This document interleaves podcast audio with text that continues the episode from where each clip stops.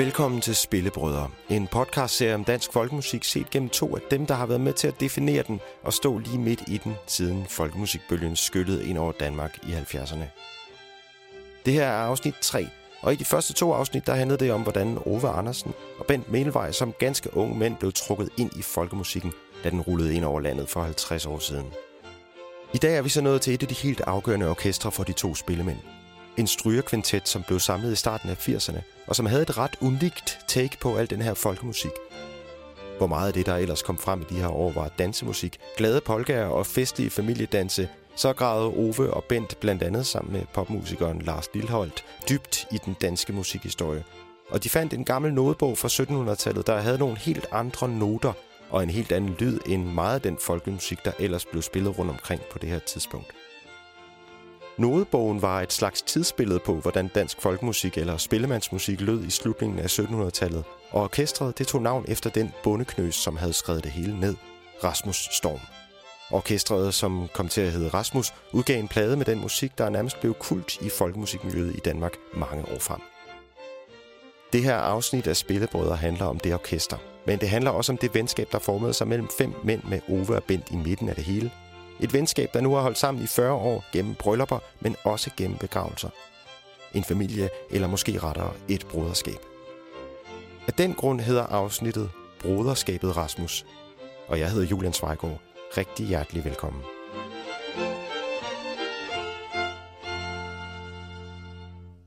Okay, orkestret hed og hedder Rasmus efter Rasmus Storm. Og historien tager sin begyndelse en dag i starten af 80'erne med en artikel i et lille nørdet tidsskrift. Der fandtes en, en, øh, et tidsskrift, der hed Modspil. Og det bragte på et tidspunkt en artikel af Kovdal, må det være, Henrik Kovdal.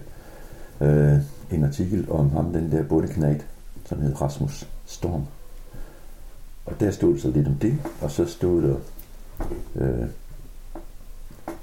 aftrykt en nude til en af de her melodier. En meget, meget, meget mærkelig melodi. En polsk. Øh, Hvordan lød den? Skal jeg spille den? Men du kan bare synge den. Det vil jeg ikke bruge Ja da, ba di ba da ba da ba da ba, ba di ba da ba da ba di la ba da. Ja, la ba da ba da ba da ba da ba da ba la la la. Ja, sådan en, han har sagt uh, ironisk kirketonart, eller nærmere dorisk deroppe. Spørgsmålet var så, hvem der første gang fandt den her melodi. Var det Lars Lilholdt, eller var det Ove eller Bent? Det gjorde Lars. Jeg holdt også modspil, for jeg vil gerne være intellektuel. Men øh, jeg vil bare have, at det skulle se ud, som om jeg var intellektuel til at holde modspil, hvor det kunne stå på reolen, så folk de kunne se, hvad jeg var for en. Holdt du modspil? Nej. Nej. Lars han holdt også modspil. Den skider ikke. Han læste det sgu.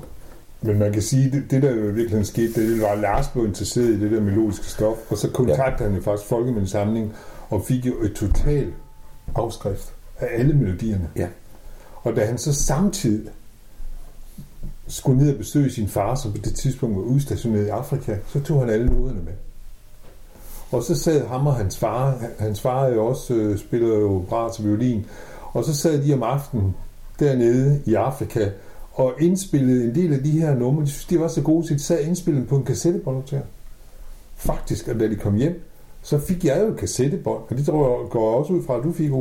Og så spurgte Lars, vi ikke var med til at spille det her musik. Faktisk. Ja. Lars Lillehold fandt noget underlig musik i det her nørdede tidsskrift. Det var ældre end det, han ellers var vant til at spille fra den danske tradition. Det var under tiden mere sørmodigt, mere gyngende, måske lidt mere klassisk i lyden. Og så tog han det ellers med til Kenya, hvor hans far var udstationeret som arkitekt, og indspillede altså den her elgamle danske musik, far og søn omkring ekvator. Musikken blev indspillet på et lille kassettebånd, og Lars tog det med hjem til Bent og Ove. Og det stod hurtigt klart for vores spilmænd, at øh, det var noget ret så anderledes og eksotisk gammel musik, de havde fået fingrene i. Det var usædvanligt, for det mindede jo ikke om det gængse dansemusik. Min tilgang til folkemusik dengang, det var jo folkedansermusik. Øh, så det var lidt anderledes. Jamen, jeg tænker lidt, jeg tænker lidt at det, det er jo en tidsperiode øh, der i starten af 70'erne, hvor de fleste yngre danske violinspillere, specielt violinspillere, de jo hele tiden flirtede med svensk musik, fordi de synes, det var enormt spændende med de der polskager og, og underlige øh, melodier i ikke bare i dur tonarter, men alle mulige blandinger af tonarter. Og så i Rasmus Storms nodesamling er der jo målmelodier, og der er blandinger af tonarter. Så det var jo egentlig meget spændende. Og der var jo også nogle fantastisk spændende trefjerdelsmelodier, som hed Pols, som lige så godt kunne være polska og så, og så på svensk. Ikke? Så det var det, der var spændende. Og så var der jo i virkeligheden bare rigtig gode melodier. Altså simpelthen. Lige præcis. Der var simpelthen bare nogle gode melodier i nodebogen, som endda kunne lyde lidt svensk nogle gange.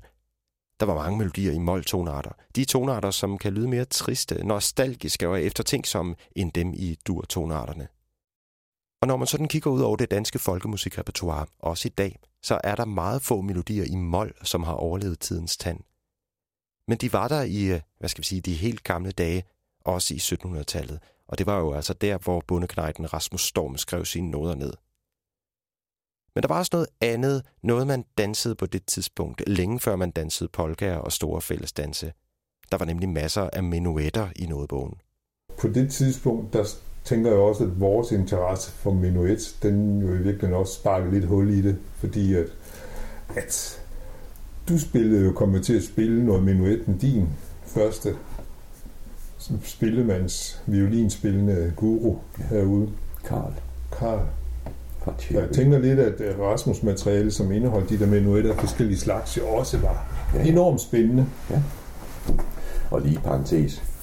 Øh, menuet, det var jo modedans, da det kom frem. Og så er der ganske få steder, det, man har haft det i levende tradition. Man har det stadigvæk i Oderejs, det der midt på det vestlige Finland. Det, jeg ved det er amt eller fylke, eller hvad fanden det hedder sådan noget, men det hedder Odervejs. Det har man danset man menuet den dag i dag i levende tradition. Og det har man gjort her også, det er boede i Bjerghav. Første gang, der var der to gamle damer her i byen, øh, som havde danset menuet, som havde lært det hjemmefra. Så på de her kanter omkring omegn af Randers, der har man haft menuet i levende tradition frem til midten af 1950'erne. Og så er det jo sjovt, så er det klart, når man kommer ud og spiller noget som helst, der har med dans og musik at gøre her, så på et tidspunkt i løbet af aftenen, så kommer man til, at man skal spille menuet. Og vi er meget selvbevidste om, hvor gode vi er til at spille menuet. Og når man så opdager øh, alle de der enormt gode melodier i Rasmus Storms notebog, af mange gode menuetmelodier, så er det jo ren guf. Har I en yndlingsmenuet fra den Rasmus Storms notebog? Ja, flere. Ja, ikke, der er flere gode, ja. tænker fordi der er jo nogen i mol. Der er nogen, der væk sådan en dur mol, og så nogen, der ja. er en dur, ikke? Den, den, i, den i G, som går i G-mol på et tidspunkt. Ja. Den, da, da, da, da, da, da, det er enormt godt lide.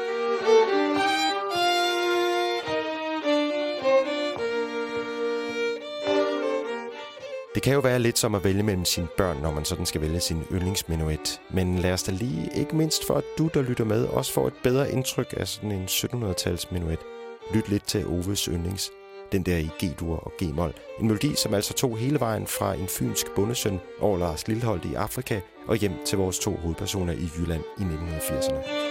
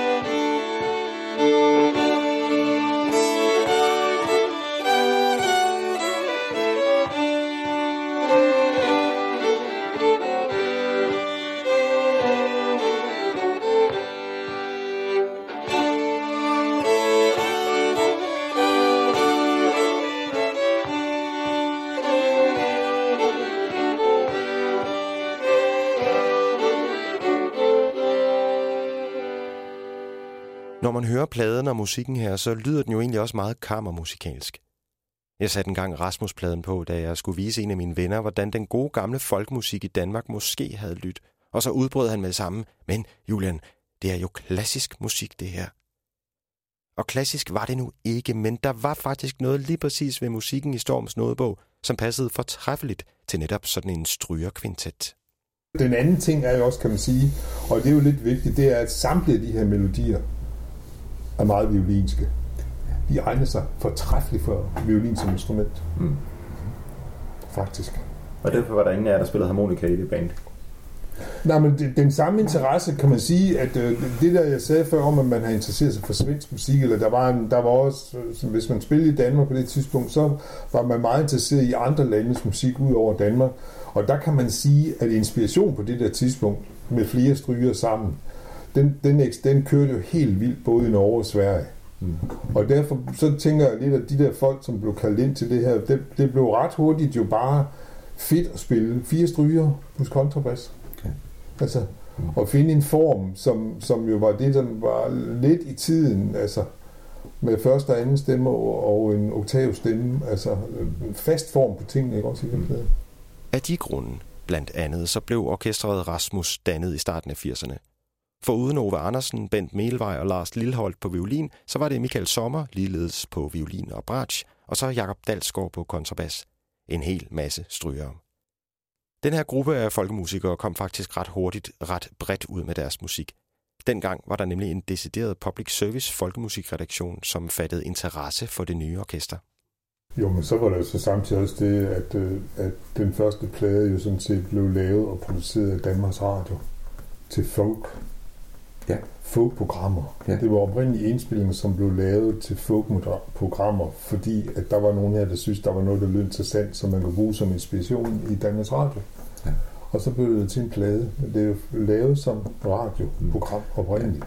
Den første koncert, det var radiooptagelsen. Det var jo direkte på. Vi har jo Ja. øvet os på alle melodierne, har gennemspillet os til alle arrangementerne, og så gik vi ind i studiet, Ja. og så indspillede vi lort, som om det var en koncert. Ja. Stod alle sammen omkring en central opstilling af mikrofoner.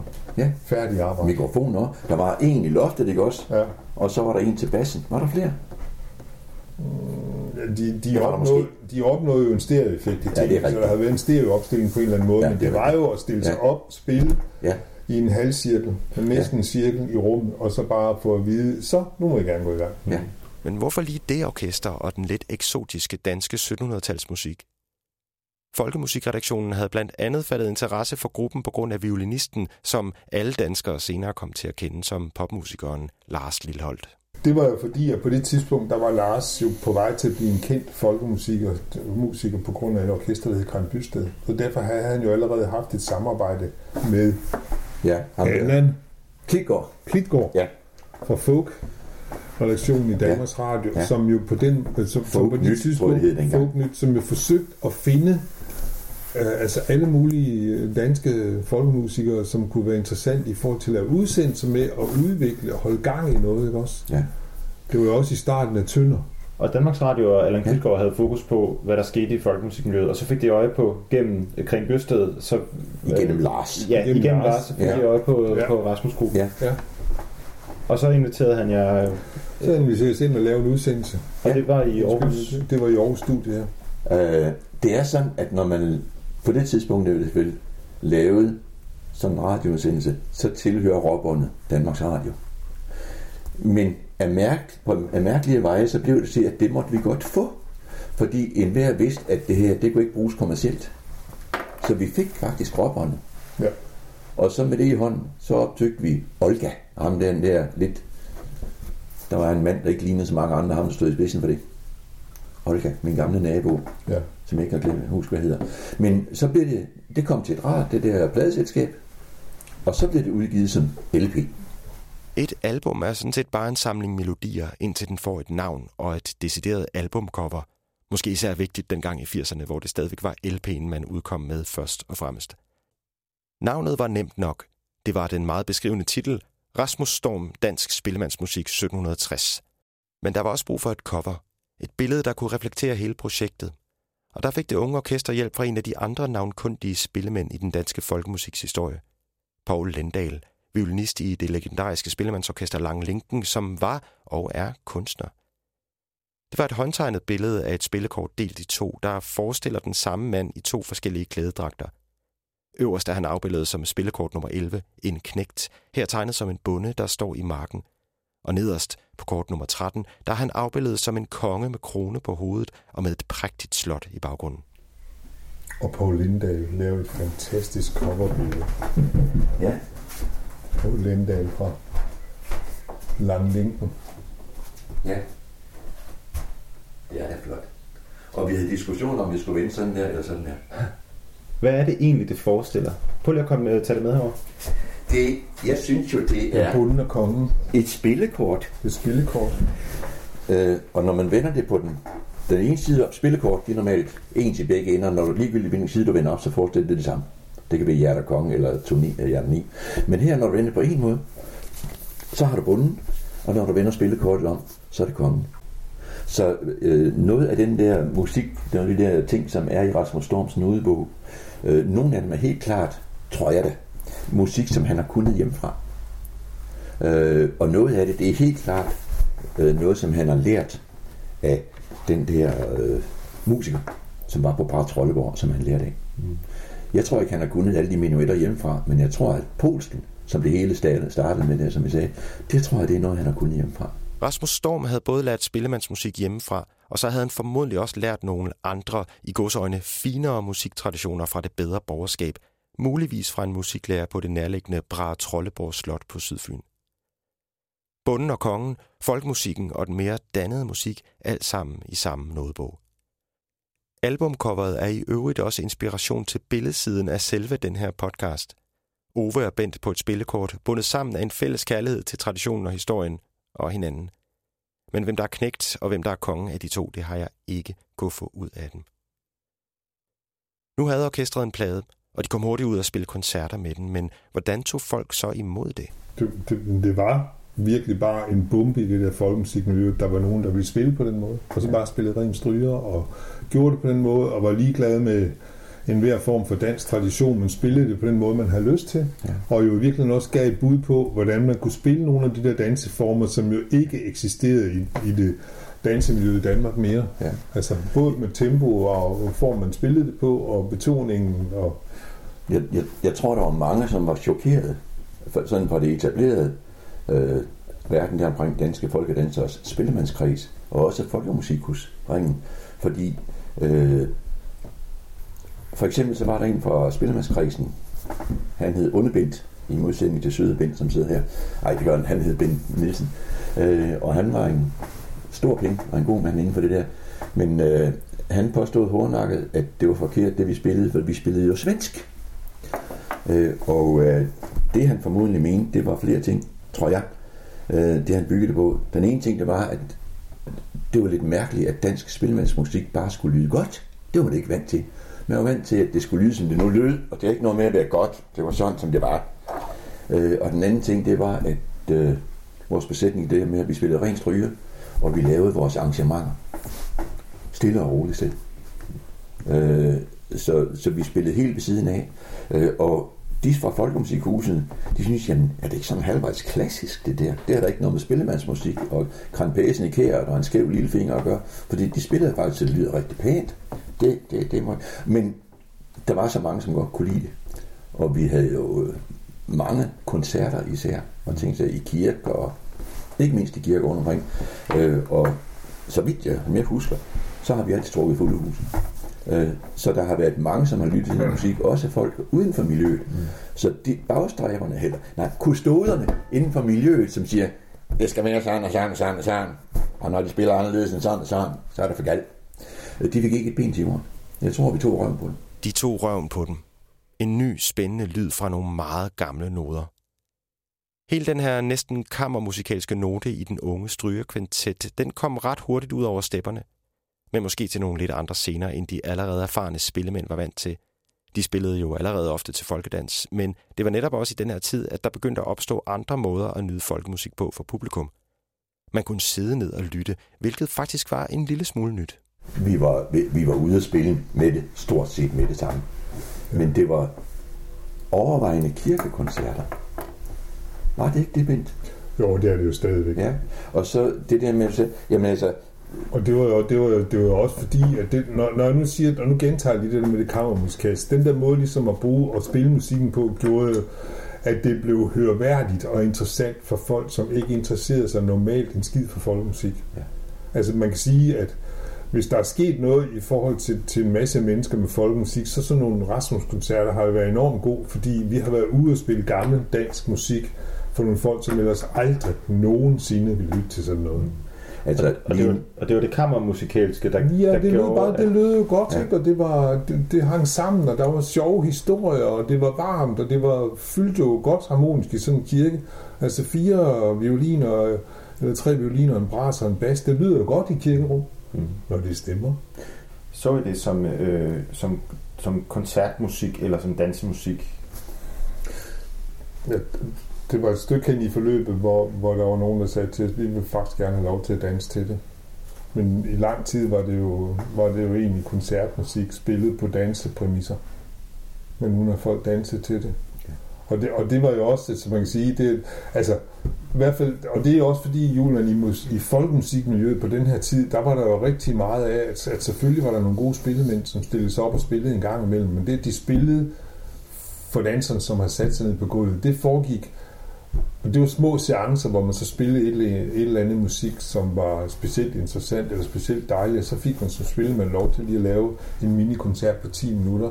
Men det var jo mere nyt, at vi kom og spillede halvanden time, eller to gange tre kvarter, ren folkemusikkoncert, ikke? Altså, det, var, det var jo i virkeligheden også en form, som der eksister, ikke, ikke eksisterede ret meget af, og koncerterne på det tidspunkt var jo meget inde i seancerne, med, hvis, der, hvis man havde et bal et eller andet sted, og så skulle der drikkes kaffe og synge et par fælles sange, så når kaffepausen ville være over, så dem, som spillede til det her bal, så samtidig så gav de lige på nummer og fortalte nogle røverhistorier fra deres opvækst, og hvem de havde mødt, og hvem de havde fået melodierne fra. Så der var også opbrud på selve formen. Og selvom det ikke er noget, som jeg har tænkt så meget over, så tror jeg også lidt, at det er i hvert fald helt klart, at nogle af de første mennesker, som kom til at gå på konservatoriet med folkemusiklinje, de var jo unge mennesker på det her tidspunkt, og lyttede og tænkte, fedt, man kan faktisk godt lave koncerter, man kan godt gøre nogle ting her. Og det er ikke, det er ikke noget, vi har tænkt over, at det måske kunne få de følge, for så kan det være, at vi har gjort det anderledes, hvis man havde været positiv og negativ i forhold til folkemusik. Ikke? Men jeg tror bare, at det, der skete, det var genkendeligt for alle folk, i organis- altså alle organisationer, og det er jo samtidig nyt. Ja. Men det er jo sjovt, det der med, øh, hvad der nu er værd at spille spillemandsmusik, folkemusik til koncertbrug, fordi spillemandsmusik, folkemusik, det er jo et med dans. Men, men humlen her, det er jo, at øh, dengang jeg var til optagelsesprøve på konservatoriet, jeg er amer som musiklærer, og der var så optagelsesprøve, der kunne min daværende kone, eller Sarah kone Helle, fortælle på vej ud, hørte du, hvad den ene af sensorerne sagde til den anden? Nej.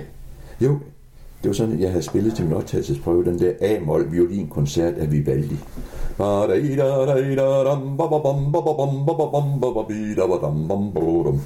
Som alle små børn skal spille på et tidspunkt, hvis de spiller violin.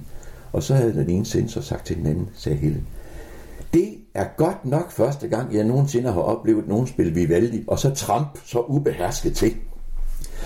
Så det vil sige, at ligegyldigt hvad jeg spiller, om det så er Vivaldi, eller det er Beethoven, eller det er Smedens anden, så lyder det jo som en spillemand, der spiller det.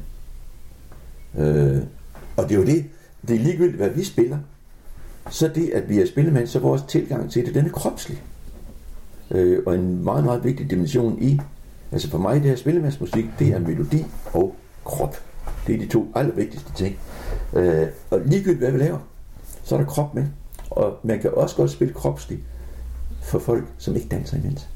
Og det tror jeg var nyt. Men det træder også igen i det, når jeg nu kalder det for øh, kammermusikalsk opførelses et eller andet sted, så der træder det også igennem igen, og det er jo stadigvæk også præget af, at, at der er fodslags fornemmelse i tingene, ikke også? Ja. Nogle tramper mere end andre, eller sætter mere fodslag, men at der også er dansetrin i det. Altså det er jo meget, det er jo meget nemt at se, at en gang imellem, når vi spiller menuetter, så står vi jo faktisk og danser menuet. Altså det, det, er, så, det er jo så integreret en del af, af koncertformen også, at man bevæger sig. Ja. Dansemusik og koncertmusik, det er to begreber, man nogle gange støder på i folkemusikken her til lands. Om det er den gode gamle musik til folkedans, eller om det er den musik, som er arrangeret sådan, at det kan spilles for et siddende publikum, som ikke skal underholdes ved selv at danse, men som alene skal underholdes af musikken. Men der er altså ikke nødvendigvis nogen modsætning mellem de to tilgange, i hvert fald ikke ifølge Ove og Bent, som sammen med resten af Rasmus selv nogle gange står og danser menuet på scenen, når de spiller, og kan mærke publikum danse ind i hovedet, mens de sidder ned.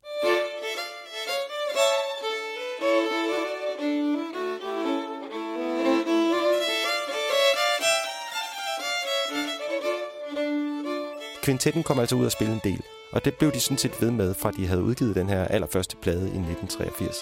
I de næste par årtier, der spillede de et hav af koncerter over hele Danmark, samt i Norge, Sverige, Letland og Tyskland, hvor de altså havde bundesønnen Rasmus Storm med sig overalt. Cirka midtvejs i Rasmus-gruppens levetid, så blev der plads til en plade nummer to. Den her gang, der var det ikke bare Stormnodebogen, som leverede ammunitionen. Orkestret åbnede op for meget mere af alt den danske musik, som er bevaret i nodebøger fra slutningen af 1700-tallet. Og inden du hører om albummet, så prøv lige at lytte til musikken fra det. Her er to melodier, altså udgivet i 2003 af Rasmus. Melodier fra henholdsvis Skovskovs Nodearkiv og Jens Christian Svabos Nodebog.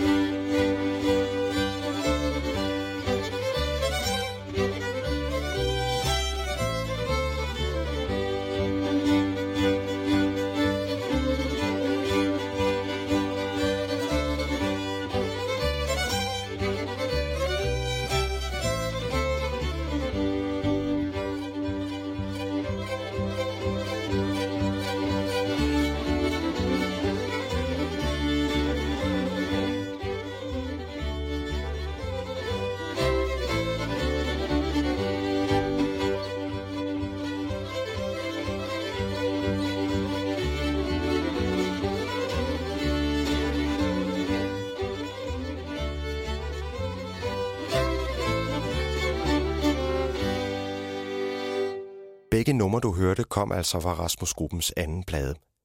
Den blev udgivet i 2003, 20 år efter den første, og det var med stort set samme besætning. Ove Andersen, Bent Melvej og Lars Lillehold på violiner, Michael Sommer på violin og bratsch, men med en ny bassist, den lidt yngre Benny Simmelsgaard. Men hvorfor egentlig lave sådan en plade nummer to? Jeg tror, vi egentlig var glade for, at vi har holdt sammen i 20 år, og vi egentlig synes, at det var dejligt at have den der familie. Og det er sådan det der med, at Lars havde gang i hele tiden at lave nye pladeprojekter og gerne ville udgive noget folkemusik. Han var jo varm, og på det her tidspunkt, der var han jo også et stort navn, altså i, i pop folk-branchen i Danmark. Så, så, så han fik jo også nogle mennesker til at synes, det var spændende. Altså Allan Klitgaard og andre til at sige, jeg kunne godt tænke mig at lave sådan et projekt med det her. Var det ikke en idé, vi lavede Next Stop Svabonius, og så udgav noget mere 1700-tals musik, ikke? I forlængelse af det, der lavede vi Rasmus nummer to. Ja. Fordi så var der jo gang i det. Og så passede det med, at der vi eksisteret. Det var 20 år siden, at første plade kom ud. Ja. Og der, fandt, der gik I så tilbage i de samme nodebøger og fandt endnu flere. Det var faktisk svært.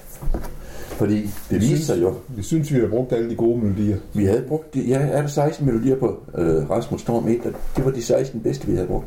Så nu skal vi til at finde nogle nye. Nu blev det nogle andre nodebøger, fordi så blev det lige pludselig en færøsk bog, som hedder Efter Svabonius. Så det blev... Øh, Det betyder Svagebo. Ja, og det blev nummer efter præstebrødre nede fra Lolland, Bedst. Bastbrødrene, så Ja. fundet noder rundt omkring fra andre Erik Jensen nodesamlinger. fra Skanderborg. Erik Jensen fra Nej, fra Skanderborg. Boos. Fra Ja. Skanderborg. ja, Så ja. der blev det lige pludselig nogle andre nodesamlinger også. Så det var ikke kun Rasmus. Så det var ikke kun Rasmus. Men det var fra den tid. Ja. Altså sent 1700-tal. Ja, Eller anden halvdel af 1700-tallet. samme tidsperiode. Hvorfor tog I ikke også altså sådan nogle danske, nyere danske folkemusikmelodier op? Altså nogle polkaer og nogle regnlætter og sådan, og spillede det. Altså det, det, det passede ligesom ikke til den lyd. Jeg tror, vi havde en eller anden forventning om, at vi ville gerne, eller at folk gerne ville have noget, der minder om den første plade, så de kunne, det var genkendelsen Mm. Ja. i det. Og så også fordi det Og så andet... tror jeg, det var der, vi var. Altså, det var også der, Lars var i forhold til øh, at finde musik, og hvad der faldt i hans ører, og hvad han kunne lide at arrangere, ikke også? Eller i hvert fald foreslå noget til det. Men det er også, altså alt det andet, det havde vi jo. Altså, der er meget, vi underviste på fuld kraft. Ja. Øh, vi var mere eller mindre etableret lærer eller musiklærer, og ved siden af det, så spillede vi jo delen dugne med til bryllupper og begravelser og fast lavnsfester og alskens kurser og ting og sager. Så den der mere moderne musik, og den vi kunne bruge umiddelbart til hvilket som helst publikum, den, den, Og til dans. og til dans, ja, den, den, den havde vi jo. Den, den, den havde vi så rigeligt af, altså til mig i dag. Ikke så rigeligt, vi er ikke for mig, men det er mig. Så det her, det var sådan, det var, jamen det var hjem på gården, hjem til familien. Hjem til gården. Hjem til familien. Det her var ikke bare et band. Det var et fællesskab, en familie eller måske endda noget større. Og det kan måske forklare, hvorfor det her orkester stadigvæk holdt sammen i 2003, og hvorfor de stadig gør det nu, 40 år efter det første album udkom. Det er også noget med, vi nyder jo hinandens selskab. Mm. Vi har, altså, det hedder, at et godt venskab skal prøves længe. Øh, der er mange mennesker, som, der er mennesker, som jeg holder meget, meget af, men hvor jeg kan sige, ja, men jeg har sådan set kun kendt dem i 15 år. Så jeg ved vel ikke alting. Øh, Bent har jeg kendt i noget mere end 15 år. Øh, så jeg ved, at selvom han nogle gange ikke er helt så klog og god til tingene, som jeg er, så holder jeg meget af ham. Og det gør jeg også med de andre Rasmus-folk. Øh, så for mig er det dejligt at se familie. Og det er jo sådan... Øh, familie og mange ting, det, det, er en del, det er på en måde en familie Mm. for mig. Og nu bliver helt... Men altså, sådan har jeg det nu. Jamen, vi har også været så meget sammen i perioder, selvom når vi har været sammen, har det jo dybest set altid været på festligt grundlag, fordi vi skulle ud og levere en koncert eller sådan noget, men vi har jo også været til hinandens fødselsdage og børns konfirmationer, og altså være blandt ind i hinandens privatfester, som jo dybest set ikke har noget med Rasmus at gøre, men har noget at gøre med, at vi har de der relationer til hinanden, og synes, og der er nogle af vores børn, som jo har et, et, et stærkt forhold til de andre Rasmus folk, altså, som jo kommer til en Rasmus-koncert, ikke for at høre Rasmus, fordi det ellers skulle gjort så mange gange. De kommer til Rasmus-koncert, fordi de gerne vil møde og Lars og Ove og Bent og Michael og Benny. Ja. Og også øh, de til hver tid øh, faste koner og, som, og andre børn af Rasmus. Ja. Ikke også? Som jeg tænkte på før, vi har delt mange, mange ting med hinanden, men så vidt jeg ved, ikke vores kone. Nej. Er I, Det kan man aldrig vide. nej, nej. er I, øh, er I et, et broderskab? Altså man kan sige det på den Ja. måde, at, at inden når nytåret ringer ud, så har jeg ringet til alle folk i Rasmus mellem jul og nytår. Så har jeg også ringet til Lars og til Ove og til Benny og til Michael for at høre, og bare lige sige godt nytår, hvordan har I det, og det går jo godt, og hvad går ikke så godt, så noget vi ikke gider snakke om, og noget vi snakker om. Men altså, ligesom at jeg også ringer til andre i min familie, inden det bliver nytår. Mm. Og familier holder sammen. Også når det engang imellem bliver svært. Udover at jeg selv har spillet sammen med Ove og Bent, så er jeg faktisk også involveret på en anden måde. Jeg er i familie med Ove. Han giftede sig for 10 år siden med min mor Gitte, og til brylluppet, der var Rasmus der. Og blandt andet Bent skrev en melodi til den. En melodi, der den dag i dag hænger på væggen, skrevet ned på noder og indrammet i Oves og min mors lille hus. Men i den anden ende af skalaen, der var Rasmus der også. For nogle år senere, der blev min mor, og altså Oves kone, pludseligt syg.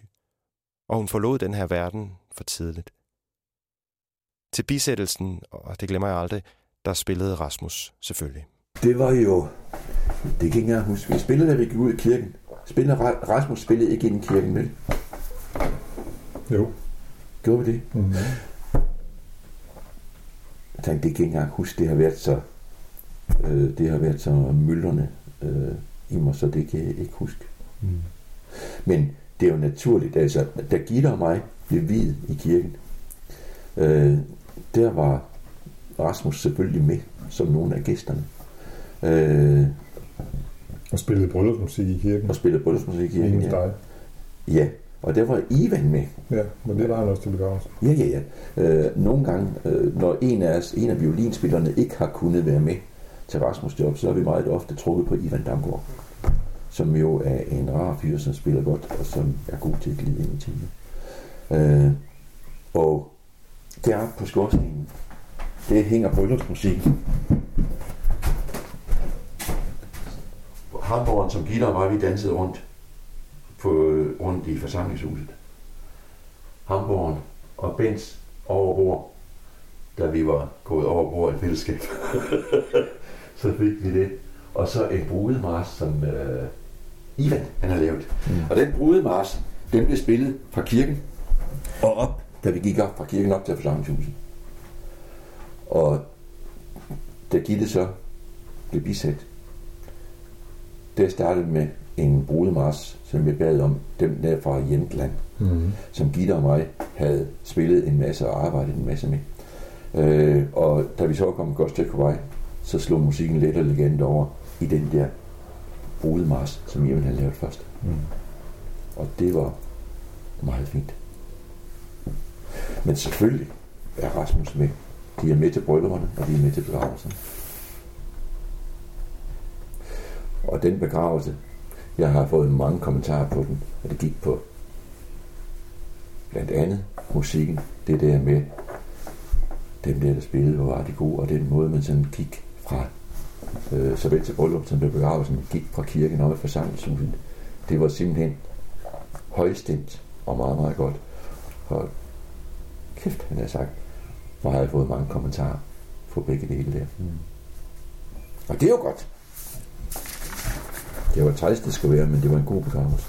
Lige så vel som det var godt på Ja. Men ikke kun Rasmus var et broderskab og en familie. Ligesom Ivan var med til Ove og min mors bryllup og til min mors bisættelse, der reflekterede det sådan set også bare, at der var nære bånd i det her miljø. Bånd, der næsten kunne føles som en stor familie. Altså man kan sige, at det der opstod lidt, lidt, lidt i kølvandet på Rasmus øh, opstart, det var jo, at vi faktisk fik et broderskab. Vi kom til at kende 12, 13, 14 mennesker, som var på niveau med os selv, og som også havde den samme musikinteresse.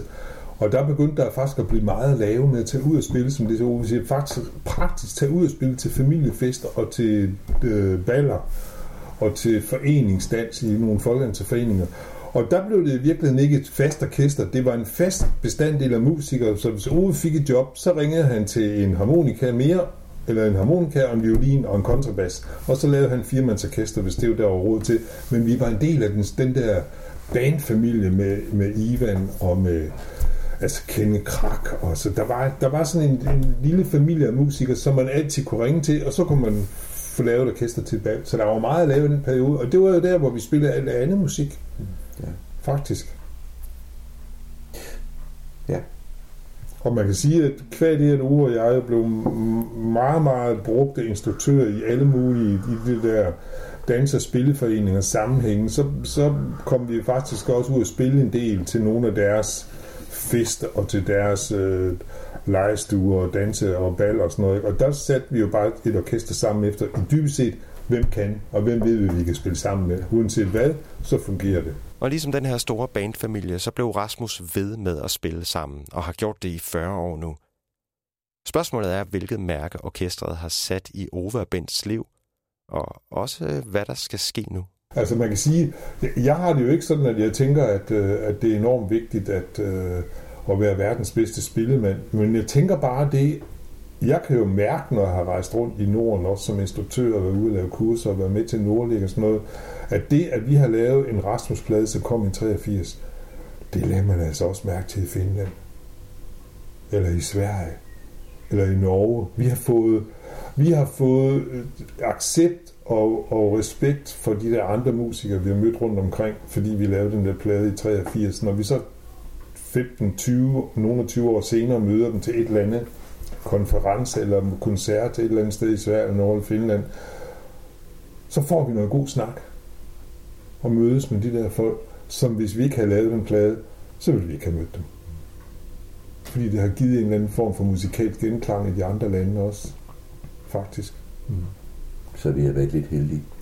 Ja, det har vi. Altså, det har været godt for os også. Altså på den Ja. ja. måde også. Heldigt skabende, netværksskabende. Ja. Altså, jeg, det, det er jo sådan... Nå, men altså Rasmus har givet os på mange lederkanter adgang til en masse dejlige oplevelser. Musikalsk om andre mennesker. Det er da heldigt. Det er dejligt. Tænk en eller anden gammel sur skider, som sidder i en jordhul et eller andet sted, og som aldrig kommer ud til noget som helst. Sådan er vi jo ikke. Det, jeg synes, inden for de sidste 3, 4, 5, 6 år, der mistede vi lidt af gejsten. Men nu har vi snakket sammen, at i vores høje alder, der er vi i hvert fald tre, som er delvis pensioneret. Øh, og øh, Benny, bassisten, han er jo ung, han kan løbe stærkt. Og han er vigtig, fordi at, vi kan egentlig ikke lide ham, men han skal med, fordi at det er ham, der skal køre handicapbussen til sidst. Nej, det passer ikke. men men, men øh, vi holder meget ved. Øh, men, øh, og Lars, han har sine ting og plads også, så han kan nogenlunde selv bestemme parten. Så nu er vi blevet enige om, at fra nu af, der sætter vi møde og øve frekvensen op, simpelthen fordi vi savner hinandens selskab.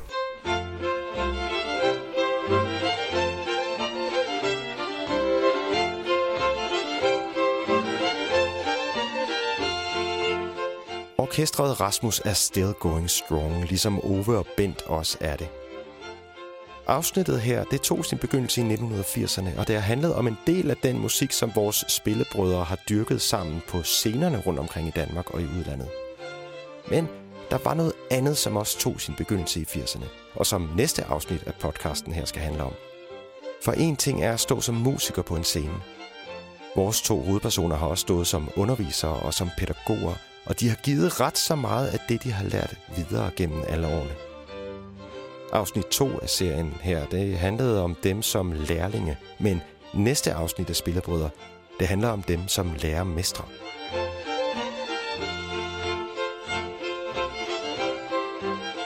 Det her var altså tredje afsnit af podcasten Spillebrødre, en serie om dansk folkemusik, produceret og tilrettelagt af mig, Julian Svejgaard. Undervejs der hørte du stemmerne fra Ove Andersen og Bent Melvej. Tak til Ella Jørgensen, som har bistået med at bringe projektet til live, og tak til Radio Folk for, at vi må udkomme hos dem. Hvis du kan lide, hvad du hører, så tøv ikke med at give en anbefaling til dine venner og bekendte, og giv os også gerne en anmeldelse der, hvor du finder dine podcasts. Vi lyttes ved i næste afsnit. thank you